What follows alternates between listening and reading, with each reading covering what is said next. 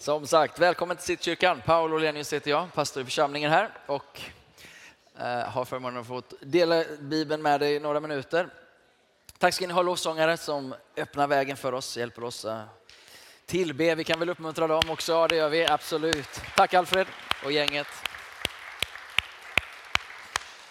Är du ny här idag så särskilt välkommen och eh, vill du ha mer kontakt och information om vad vi pysslar med så efter gudstjänsten så finns det informationsbord och nyhetsbrevet är den bästa källan till information när det kommer till vad vi är och vad vi gör här. Så gå in på vår hemsida eh, och där har du, får du upp en liten ehm, där du kan fylla i att få nyhetsbrevet så håller du dig uppdaterad mer om vad Citykyrkan har för sig. Ehm, vi är, vi är i en serie Eh, här nu som vi betar oss igenom och eh, vi har tagit oss igenom två av de fem grundpelarna i, i vår frälsning. Ehm, nåden alena har vi bearbetat, tron alena, vi är nu på Kristus alena och sen kommer skriften alena och ära till Gud alena. Och vi, vi tar tillfället att borra oss ner i de kristna fundamenten som var på vår tro och vår frälsning vilar på. Um, och sen så är vi av en eh, eh, sådan art att vi också tror att Gud verkar i tiden. Vi tror att han är här, vi tror att han vill göra någonting för dig den här söndagen. Så när vi studerar tillsammans så gör vi inte det bara på distans, utan vi gör det med förväntan att Gud vill tala till oss den här söndagen. Så jag hoppas det är din bön också. Ehm, för eh, Kristus alena är vårt tema idag. Och jag skulle vilja att vi, jag ska säga någonting om, om, eh, om den plats, den, den stad och det land vi lever i. Och så ska vi ta några minuter i bön innan vi faktiskt går in i, i själva undervisningen. Um, Sverige och Stockholm anses, uh, och det har du säkert hört, att vara en av världens mest sekulariserade i kombination med individualistiska platser på vår härliga jord. Uh, har du hört det? Eh, eller det kom som en nyhet så eh, kan gå fram till den här bilden, så kanske de här färgglada eh, grejen som du inte ser vad det står. Men eh, om du går in och söker på World Value Survey Eh, så kan du ta reda på lite hur, hur, olika länder ser ut. Och då är det så att Sverige eh, sticker ut. Eh, och då är det så att uppe i ena hörnet här, om du sitter vid en skärm så ser du det. Då är det Sverige som sticker ut i mängden. Eh, vi sticker ut på det sättet att vi är både Eh, mest sekulariserade och mest individualistiska. Eh, och den kombon eh, är inte till vår fördel. Faktiskt. För det innebär, på den sekulariserade halvan av detta, så innebär det att vår, vårt avstå, avståndstagande från Gud, vår separation från Gud, vår, förlåt mig, paus där, tolkning ser jag ju här. Eh, jag pausar mig själv här. Tyvärr så har vi nog inte vår eh, sändare för spanska här. Va? Så om du behöver tolkning till spanska Eh, habla español, eh, por favor. Någonstans i den. Eh, eh, falla portugues. Eh, eh ehm, nej, ingen, ingen portugisiska, men spanska har vi. Farse har vi, Engelsktolkning engelsk tolkning har vi. Och vi har dessutom ett besök här som jag vill gärna få lyfta fram och hedra. Vi har nämligen, eller besök, vän, syster, eh, en av oss, Carol Matazia, kan inte du ställa dig upp? Om du är ny här så är det så här att den här kvinnan leder Citykyrkan i Kampala tillsammans med teamet där nere. Hon har gått bibelskola här två år och för fem år sedan, snart sex år sedan, så startade vi församling tillsammans i Kampala, i närmare bestämt ett område som heter Butabika, ett slumområde där vår församling finns just nu. Eh, goda nyheter var att bibelskolan var där i februari och eh, fick leda någonstans kring 200 människor till tro.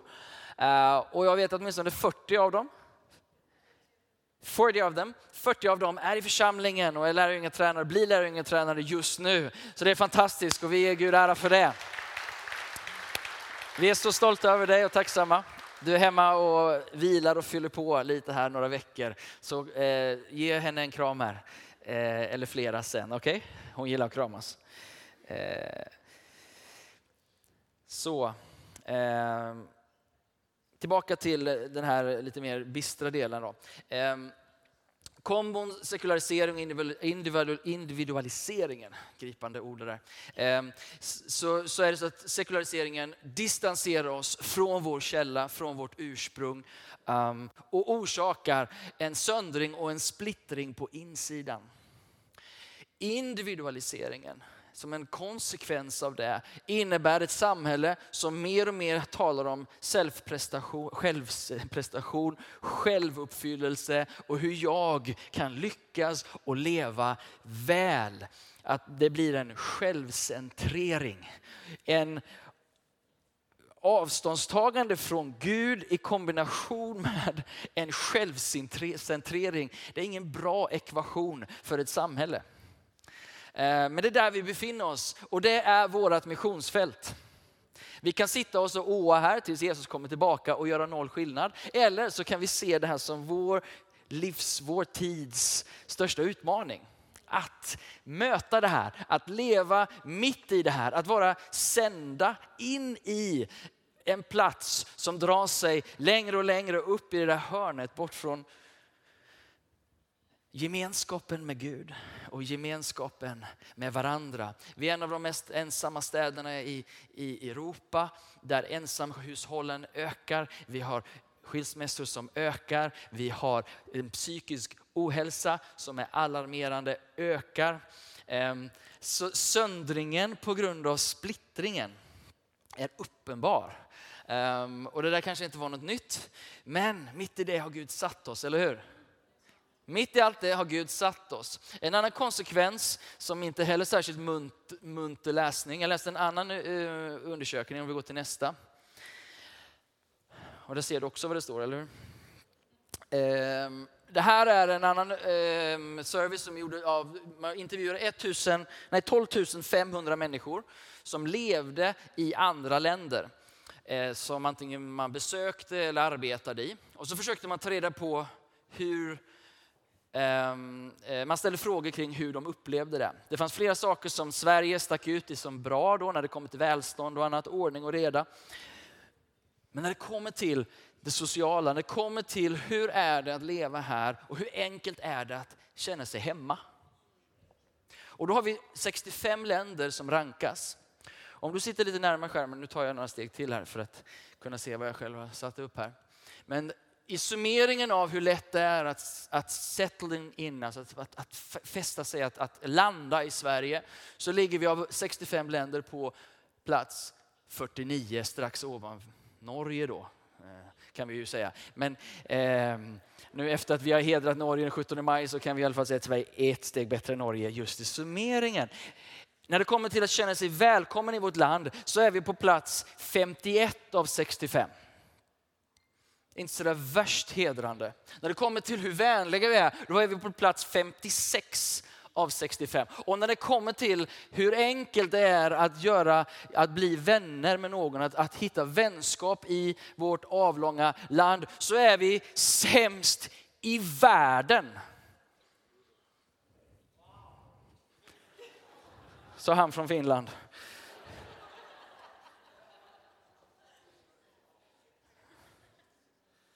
Herre, have mercy on us alltså. Kyrie eleison. Vi, vi har något att göra. Vi behöver vara med. Och det, det räcker ju att, att, prata med någon som eh, bor här. Och visst, det finns andra berättelser och, och, det finns andra saker vi kan lyfta fram. Men just i alla fall den här studien, det säger någonting om någonting i alla fall. Eh, att det går nu då att förändra det här, för det går liksom inte att bli sämre. Så nu har vi nått botten, det finns ingen 66 plats liksom, utan vi är sämst. Så nu kan det bara gå uppför. Eller hur? Och om vi är längst ut, sekulariserade och mest individualiserade, så finns det en annan väg in i gemenskap igen. Amen. I den här settingen, om vi tar nästa bibelord här nu då, så säger Bibeln så här, Jeremia 29.7 och sen vers 11, att sök den stads bästa, dit jag har fört er. Uppenbarligen så är ni här idag vare sig ni är gäster eller bor här. Och Herren har ett uppdrag för oss. Även om vi kan uppleva det som en fångenskap, även om vi kan uppleva det som trångt och annorlunda, ehm, så vill Gud att vi ska be för den staden till Herren. Och han vill att vi ska söka den bästa. För när det går väl för den går det också väl för er. Och mitt i det här kaoset, i vers 11, så säger Gud så här. Jag vet vilka tankar jag har för er. Nämligen fridens tankar och inte ofärdens för att ge er framtid och ett hopp. Vi är sända mina vänner, in i den här staden, in i den här tiden. Att måla framtid och hopp för vår stad. I en stad som är ensam, en stad som är individualiserad och segregerad. I en stad som har vänt sig från Gud. Och vi är satta att vända den här staden tillbaka till Gud. Han kallar oss in i den här settingen, mitt i fångenskap eller vad du än upplever, att vara hopp för den här staden. Jag skulle vilja att vi reste på oss. Hörni.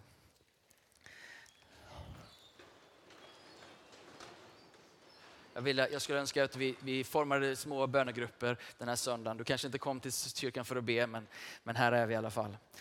Vänd dig mot, gentemot några, några runt omkring här och så ber vi. Vi ber för vår stad just nu. Kan vi göra det? Är det okej okay att vi aktiveras lite en söndag som den här?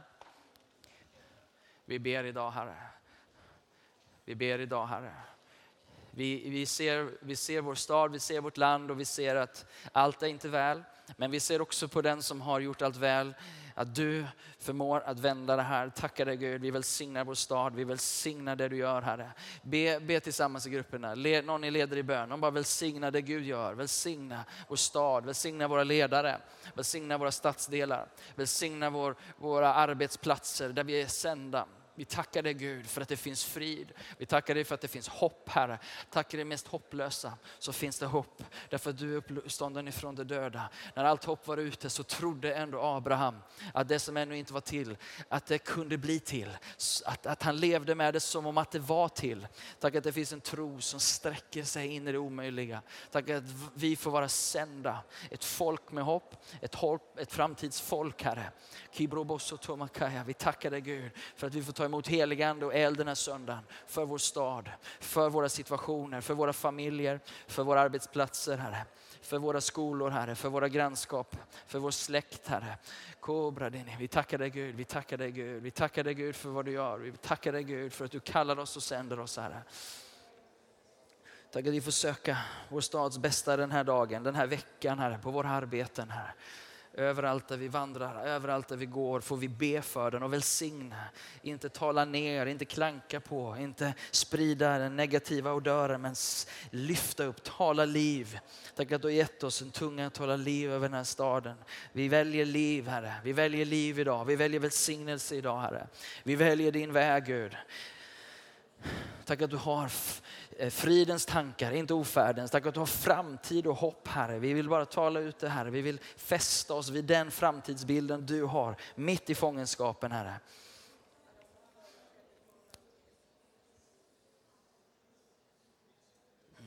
I Jesu namn. Amen. Amen, amen, amen, amen. Varsågod och, och sitt ner.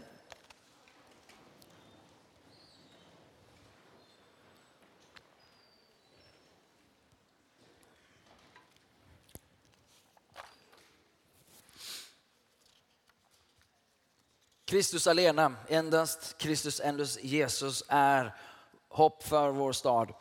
Ehm, varför är vi i ett så splittrat tillstånd?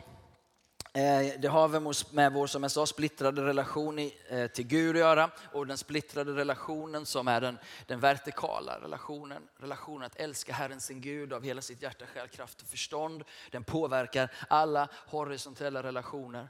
Den påverkar allting runt omkring oss. Och när vi inte lever i, i frid här så påverkar det hur vi har det med varandra. Friden, avsaknad av frid här orsakar ofrid runt omkring oss. Eh, och det är grundläggande effekten av synden. Synden, vår separation från Gud, att vi tänker oss att vi reder ut det här själva utan Kristus. Vi väljer ett liv utanför honom och tänker oss nu ska vi ta tag i det här. Um, och istället så kanske vi väljer vägen att nu ska vi fixa det här, nu ska vi jobba på det här, nu går vi in i ett mode när vi ska få ordning på det här. Um, men, men det finns bara en som kan få ordning på det skapade och det är skaparen. Det finns bara en som kan ställa i ordning skapelsen och det är han som är upphovet till skapelsen. Och det är väldigt eh, sorgligt att igenkänna att vi lever i en tid när man försöker ställa skaparen absolut utanför skapelsen. Att separeringen eller, eller gränsdragningen är så hårt dragen att många av oss inte får ta med vår tro in eller vår Gud in i vårt arbetsliv. Det är inte naturligt att dela eh, det livet där. Utan vi är tillsagda att nej, nej, nej, nej, utan här borta, skaparen har vi här ute och skapelsen ska vi fixa. Men problemet med skapelsen ligger inte i skapelsens händer. Det ligger i påverkan av våra händelser och vad vi gör. Men helandet, upprättelsen, försoningen av skapelsen har med skaparen och endast skaparen att göra. Kristus alena, endast Jesus är den som kan hela. Därför var Gud tvungen att bli fullt ut mänsklig. Han lämnade inte sin gudomlighet, han blev ett med mänsklighet. Han jag hade kyrkohistoria med eleverna i veckan här och det finns ett sånt skönt citat från jag tror det var Tertullian, jag tror vi gick igenom alla kyrkofäder så nu rör ihop det. Men han, han sa så här i alla fall. Eh, God became one with humanity, not through abscission but by participation. Så Gud blir del av mänsklighet, inte genom att avsäga sig gudomlighet utan genom att bli ett med mänsklighet. Han blir fullt ut ett med det han ska fixa. Fixa i bemärkelsen hela, laga, göra väl. Och det är den Gud vi tror på och det är därför Kristus är unik. För det finns inte någon annan som är både fullt ut gudomlig och fullt ut mänsklig i en och samma person. Utan det är Jesus. Vårt hopp står till honom. Vår framtid står till honom. Ehm, och det är så då att på grund av att vi väljer bort honom så får vi uppleva splittringen, söndringen, konsekvensen av detta. Men mitt i allt detta så väljer Gud att bli ett med oss. Om du går till Kolosserbrevet kapitel 1.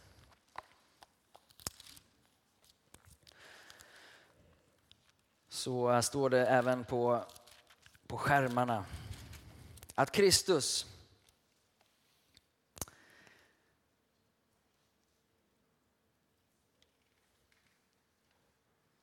Att Gud beslöt att låta hela fullheten bo i Kristus, i Jesus. Och genom honom försona allt med sig själv. Kan vi säga det tillsammans? Försona allt med sig själv.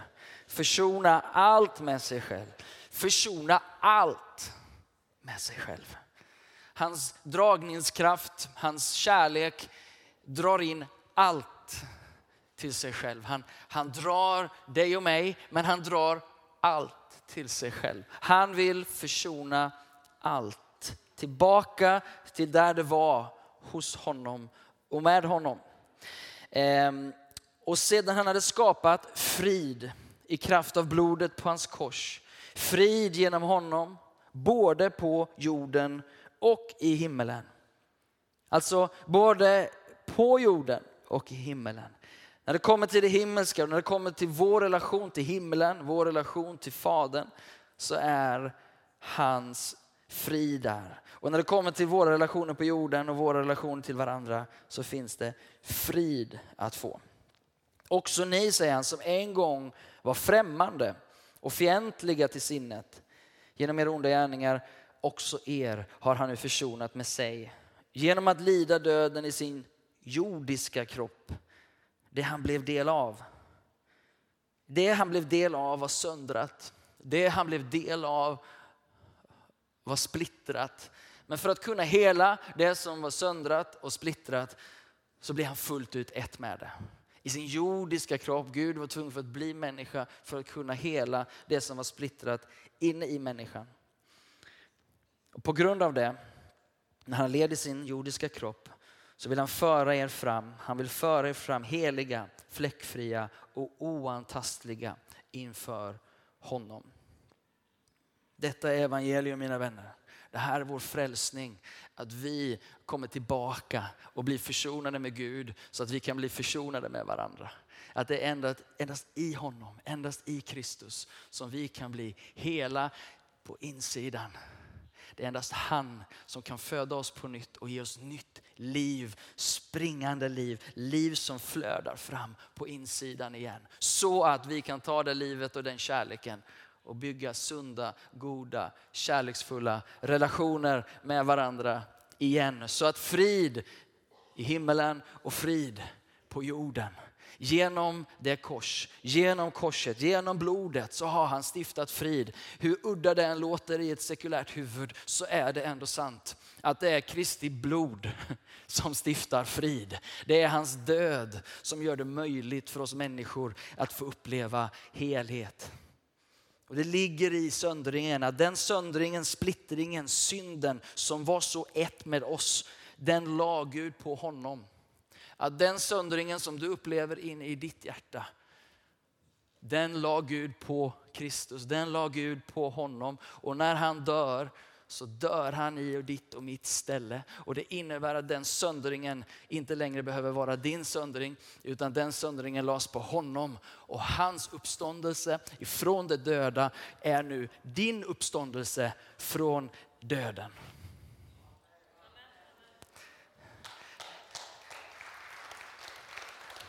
Den söndringen som, som pågår i mänskligheten, det la Gud på Kristus för att var och en som flyr till honom ska få hans helhet, hans frid, hans, hans liv istället för en pågående död som leder till en säker fördömelse. Men han blev ett med den fördömelsen som var våran fördömelse och han tar det på sig när fadern vänder sitt ansikte från sonen. Och i den stunden han får uppleva separationen från fadern varför har du överlåtit, övergett mig? Varför har du vänt ditt ansikte ifrån mig? Frågar sonen vid ett tillfälle. Den separationen som du och jag skulle fått levt med, den tog han på sig.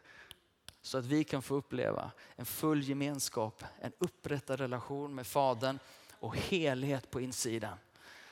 Evangelium gör det möjligt för dig och för mig att leva i frid med himmelen och frid på jorden. Han har försonat allt med sig. Amen. Kristus, det finns ingen annan filosof, ingen annan ideologi, inget annat sätt. Det spelar ingen roll hur mycket vi kämpar i vår egen eh, kraft på olika sätt med olika religioners förtecken. Det finns bara en som har försonat allt med sig och det är Kristus och Kristus alena. Det innebär att det finns ingenting i ditt liv som är så söndrigt som han inte kan hela. Det finns ingenting idag som är så fientligt och främmande så att inte hans försonande nåd kan nå oss. Det finns ingen relation som är så söndrig att hans nåd inte kan upprätta det. Hör du?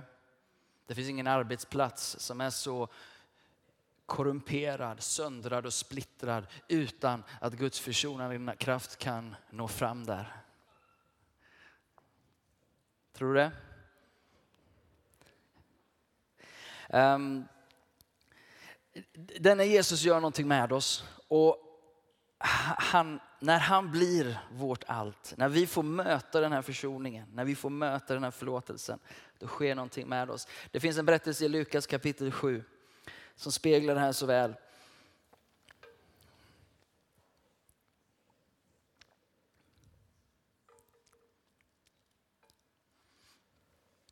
Det är sammanhanget när Jesus eh, fick en inbjudan för en av fariseerna. De har en måltid.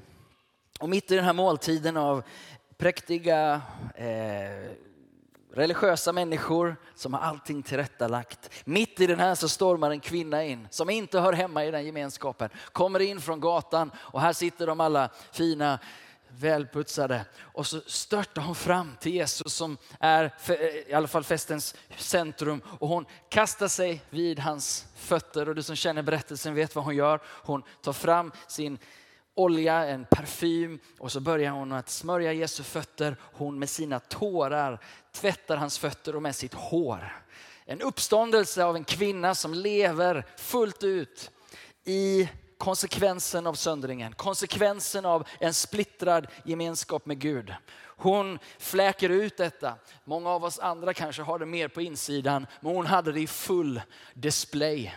Men hon slänger sig på honom hon slänger sitt liv på hans fötter. Och det är lite tvetydigt om hon har upplevt förlåtelse och därför gör det, eller söker förlåtelse.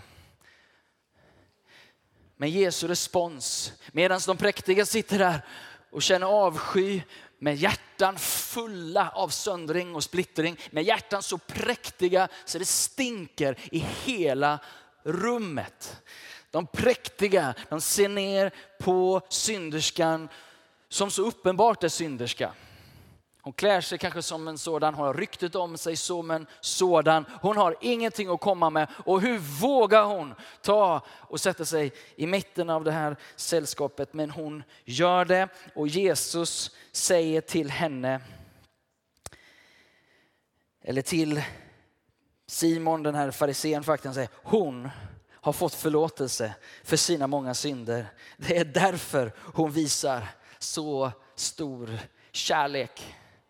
Hon har förstått sitt tillstånd. Med andra ord, det har inte du min vän. Här sitter du i din präktighet, men du har inte förstått hur på samma sätt, samma söndring och disunion with God, söndringen, splittringen med, med Gud, på samma sätt verkar i din farisistiska kropp, men har en helt annan display. Den stinker, om än värre. Även om du inte ser det själv, men den här kvinnan, hon visar stor kärlek för hon har vaknat upp. Precis som Nikodemusen eh, faktiskt visar på att även fariseer, skriftlärda, att det finns hopp för oss också. Hur som helst så visar, han, visar hon stor kärlek, att den som har fått litet förlåtet älskar lite, säger han. Sedan säger han till henne, han flyttar fokus och då säger han till henne, dina synder är dig förlåtna. Så lite, det är mer, lite otydligt om hon kommer för att få förlåtelse. Hon har i alla fall förstått att här finns försoning. Här finns det hopp för mitt liv. Här finns det hopp för min söndriga situation. Här finns det hopp för min arbetsplats. Här finns det hopp för min familj. Här finns det hopp för min stad. Hur Guds förgäten, Guds, inte förgäten, men Guds frånvänd den än må vara. Så säger han till henne, dina synder är förlåtna. Och då börjar de andra bordsgästerna fråga, vem är han som till och med förlåter synder? Och så kommer det här som jag vill bara plocka upp i det här. Men Jesus säger till kvinnan, din tro har räddat dig. Gå i frid. Och när han säger det, när fridsfursten säger det, då öppnar han en himmelsk lucka över denna kvinnans liv. Och det som är där ovan väller in över den här kvinnan. Det som är där ovan, det som är Guds shalom i en evig himmel får plötsligt en kanal, en portal om du vill, rakt ner på jorden. Där en kvinna i sin brustenhet har slängt sig på han som är vår frid. Hon hade insett det, hon var brusten och hon slänger sig i brustet tillstånd på den ende som kan hela, på den ende som är hopp till den här världen. Och då säger Gud, nu har du fått dina synder förlåtna, ta emot min frid. Frid i himmelen och på jorden, rakt in i en kvinnas liv. Gå i frid. Kristus, det är bara Kristus som kan göra det med en människa. Och han kan bara göra det med en brusten människa när vi kommer och vi låter Kristus bli vårt allt. Och när Kristus blir vårt allt, då, då knäpper vi upp vår nardusolja. Då knäpper vi, då öppnar vi det dyrbaraste som någon som teologerna säger var värt en årslön. Och vi bara öser ut det på Jesus för vi vet att den verkliga rikedomen sitter i den här mannen. Den verkliga rikedomen sitter i denna Kristus. Han är värd vår tillbedjan mina vänner. Den här församlingen, om du bläddrar ner till sista rutan. Den här församlingen har en avsikt att ha Kristus. Det var nog uppdateringen jag gjorde, kanske inte du fick med. Se om du hittar den. Våra värderingar i den här församlingen på, på ett, um, eh, vad ska jag säga, något som vi i kompromisslöst sätt, vi, något vi inte kompromissar med. Och det är att få ha denna Kristus i centrum. Det är att få vara hängivna tillbedjare. Det är att vi får vara så som, som David, som David som, som, som, som följde arken in i Jerusalem och dansade och, och betedde sig. Varför? Då för han visste att verklig rikedom, verkligt liv, verklig frid finns i hans närvaro. Hans närvaro är källan till allt vi har. Kristus alena på ditt arbete. Du får ha vilken position du vill, du får ha vilket inflytande du vill. Men om du frångår hans närvaro så har du inget hopp för den här världen. Om vi lämnar det som är centrum, nämligen Jesus och hans närvaro, älskade församling, älskade vän. Om vi lämnar det så har vi ingenting att ge den här världen. Mer än lite allmänt mänskligt tyckande, lite intellektualism, någon upplyst tanke. Men det kommer inte vända den här stadens utveckling. Hans närvaro. Vi, vi är passionerade tillbedjare. Vi samlar passionerat för tillbedjan. Vi centraliserar oss kring Kristus och hans närvaro från alla håll, ung och gammal. Vi får komma från vilka länder vi vill, men vi har en sak gemensam och det är att vi sätter hans närvaro i centrum. Och vi gör det primärt tillsammans en gång i veckan. Vi gör det på söndagar och jag vill uppmana dig att inte missa en söndag. Du har inte råd med det. Den här staden har inte råd med det. Du har inte råd i ditt liv att missa en söndag i ditt liv. Att få komma tillsammans med Guds folk. Hans närvaro i ditt liv är mer värt än alla rikedomar i den här världen. Du har inte råd att inte vara här. Vi har inte råd, staden har inte råd, utvecklingen av den här världen har inte råd. Jesus, ja han kommer snart. Maranata, han kommer och han vill komma till ett folk som känner honom. Som har honom i centrum, som har hört att han säger kom. Anden säger kom, församlingen säger kom och de som har öron må höra och säga kom. Och de som kommer är de törstiga, de som värdesätter den här källan mer än alla andra källor, mer än allt annat du kan vinna i den här världen. Ja, det finns mycket rikedomar, det finns mycket gott i det här landet, men det här landet går under utan hans närvaro. Den här staden har ingen framtid utan hans närvaro. Ditt liv har ingen framtid utan hans närvaro. Inget av det här, att älska och hedra. Älska och hedra är inget svårt i en situation när det inte kräver någonting av dig. Det är inte svårt att älska och hedra mina, min mamma och pappa när de tar oss till Kroatien och hyr ett hus och doppar oss i poolen. Det är inget svårt att hedra mina föräldrar när de är generösa och öser ut. I andra situationer är det mycket svårare. Inte att hedra mina föräldrar just, men att hedra och älska de som blir mina fiender, de som pratar illa om mig, de som Förstår du? Där behöver jag Jesus.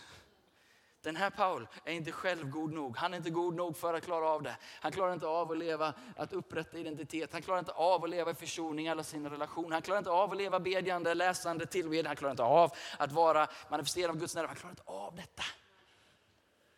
Hans närvaro i mitt liv är allt. Och när vi kommer tillsammans så säger Gud att det finns någonting han vill ge när vi kommer tillsammans. En välsignelse och en, en, en prägling av ditt liv. Du har inte råd att missa en söndag. Du har inte råd för ditt liv eller för din framtid. Förstår du mig? Det är inte en, inte en lagisk bild av att man måste gå i kyrkan. Jag bryr mig inte om det. Vill du inte vara här, så var någon annanstans. Var inte här för någon annans skull. Var inte här för att pastorn har sagt att du ska vara varje söndag. Förstår du? Passionen för hans närvaro driver. Var någon annanstans om du ska vara det. Sitt inte här på en hård bänk för att vara god. Vi behöver inte din godhet på det sättet. Men du behöver hans närvaro om du ska kunna förmedla hans godhet på Jesus sätt till den här staden. Behöver du det? Du behöver bli påmänd, du behöver ha tillgång till, till himmelens uppenbarelse. Det är någonting som händer här, någonting som du hör som du inte hör när du är hemma. Någonting som händer som inte händer när du är hemma. Jag menar inte, ursäkta att jag pratar så fort. Bara lite engagerad just nu. En smula på så. Men be hemma Eh, njut hemma, arbeta, gör allt det du ska göra. Men låt inte det stå i kontrast till den här platsen. Och jag brukar inte säga så så ofta, men jag menar det. Jag tror att det här är så viktigt. En uppenbarelseplats, en plats där vi fyller på. Gud välsigne dig som kanske inte riktigt, oj vad han gasar på den här predikanten eller du kanske inte är van vid kyrka. Och, och jag kan förstå att, att det kan se främmande ut men vi behöver den här platsen i våra liv, vi behöver bli påminda. Vi behöver komma samman. I en stad som bryts sönder i sekulariseringens spår, som mer och mer blir splittrad i individualiseringens konsekvenser. Låt mig få avsluta med ett bibelord till. Idag har ni det pingstdagen, eller hur?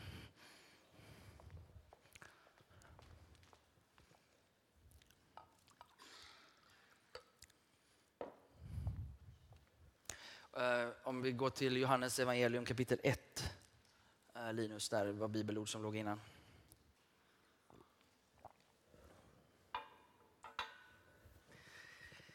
Kristus alena, det är det vi pratar om. Att vi förstår vår roll på samma sätt som Johannes förstod sin. Det här är Johannes döparen. Och han, han står i, i, i, på höjden av sitt inflytande. Han står på höjden av sin, sin tjänst. Det är svårt att veta hur många han döpte, men vi inser att han en del menar att han precis döpte varenda en, va? Så det, så, förutom vissa fariseer. Han hade ett, ett, absolut inflytande över i alla fall det vanliga folket i Israel. Eh, vi märker sen i apostlagärningarna att, att när, när evangelisterna åker omkring, apostlarna, så möter de troende lite varstans. Och då säger de, ja men vi är inte döpta med dopet i Jesus, vi är döpta med Johannes dop. Vi förstår att hans impact är stor. Vi vet också, för att vi har fortfarande eh, efterföljare till Johannes döparen i Irak. Eh, en god vän till mig som jag kanske berättar för några, han är en efterföljare till Johannes döparen. Han hade en impact och den lever fortfarande kvar. Och när han står på höjden av sin impact, då dyker Jesus upp som en påminnelse för oss idag. Att det handlar inte om att peka på vår egen förträfflighet kyrka. Utan vår uppgift är att peka på honom. Nästa dag såg han Jesus komma och han sa, se Guds lam som tar bort världens synd. Det var, det var om honom jag pratade. Det var, det var med han, det anledning av honom som jag kom. För efter mig skulle en som är större än mig komma. Han, han var före mig. Ni såg honom inte, jag kände honom inte, men han var till för allt det här skedde. Det är till honom jag vittnar, det är till honom jag pekar.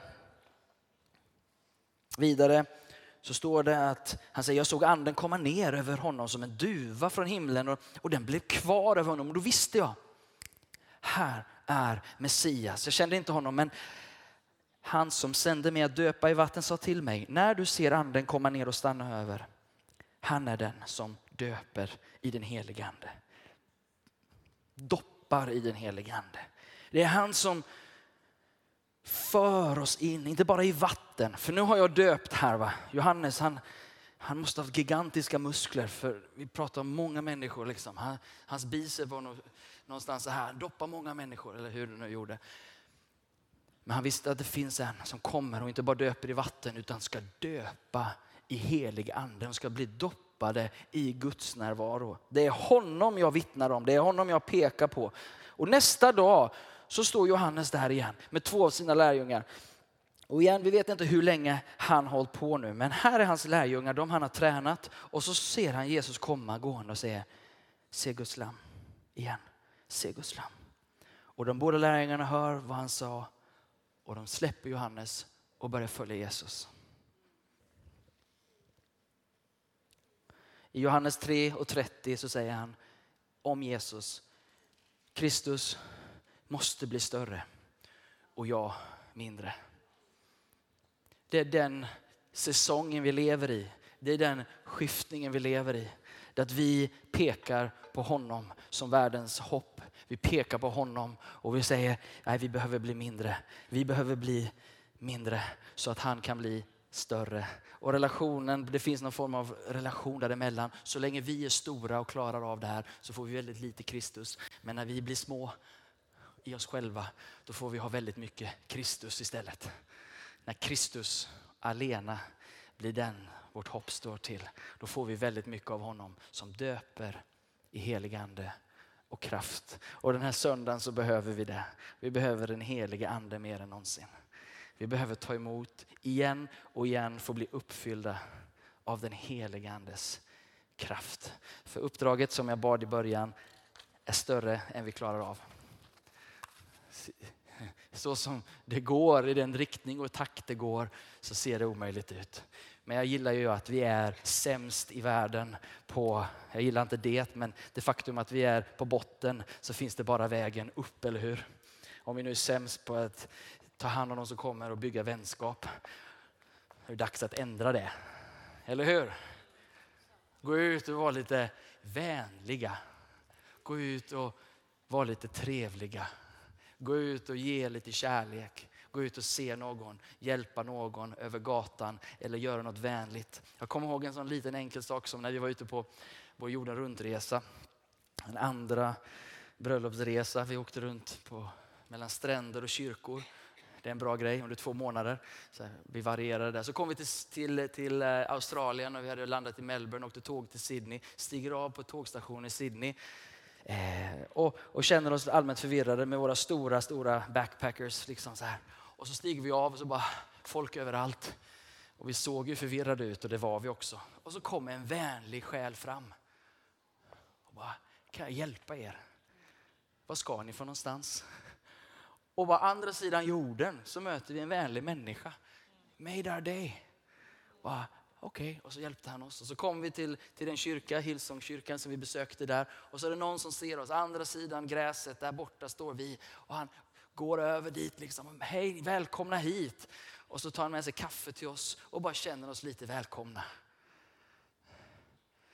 Det där kan vi också göra, eller hur?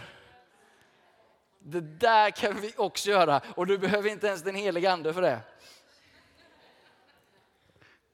Eller hur? Men vi kan få göra mer ändå. Vi kan få göra det allt Jesus gjorde. Men vi kan bli vänliga. Vi kan få förlösa den här friden. Vi kan få förlösa den här, frigöra den här friden. Den himmelska friden.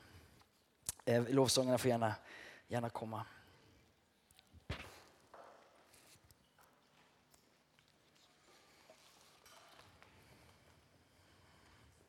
Kan stå upp tillsammans.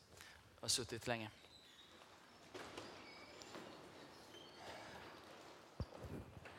Han är exceptionell Jesus, han som var upptagen med allt och alla.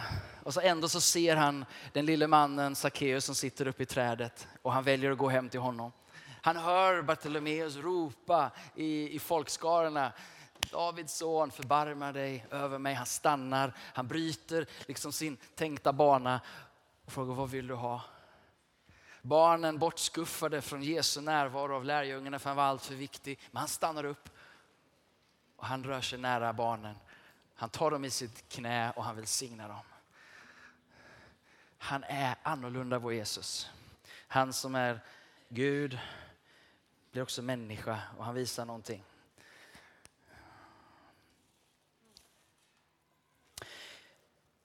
Att få leva i frid med varandra börjar med att få leva i frid med, med Gud.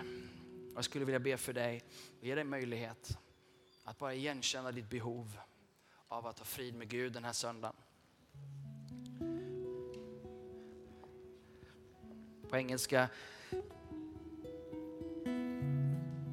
så låter det ungefär så här att the disunion with God causes disunion with one another. Och det är det här förenandet med gemenskapen med Gud som, som gör det möjligt för oss att leva i frid i alla andra relationer. Så jag skulle vilja fråga den här söndagen om jag skulle kunna få be för dig som är här idag och vet att jag har inte frid med Gud. Det här känns främmande och jag till och med kanske varit fientlig mot, mot kyrkan eller mot Jesus. Det är inte så farligt med kyrkan, men, men om du är fientlig mot Jesus då är det värre. Men den här söndagen så kan du få frid med Gud. Om du är här idag, vi kan bara vara bedjande den här söndagen, så vill jag fråga om du är här idag den här söndagen och du vet att du behöver få frid med Gud och jag skulle vilja be för dig, bara välsigna dig där du står. Vi kommer ha en förbönsplats som vi kallar det här framme sen. Vi ber för varandra och du är välkommen sen också. Men bara nu medan vi står i bänk, bänkarna. Finns du här idag som, som behöver frid med Gud? Så kan du bara få lyfta din hand så vill jag be för dig där du står. Bara lyft din hand högt och tydligt så kan jag bara få inkludera dig och be för dig just nu. Och du behöver frid med Gud. Gud välsigne dig. Är det någon mer som vet med sig att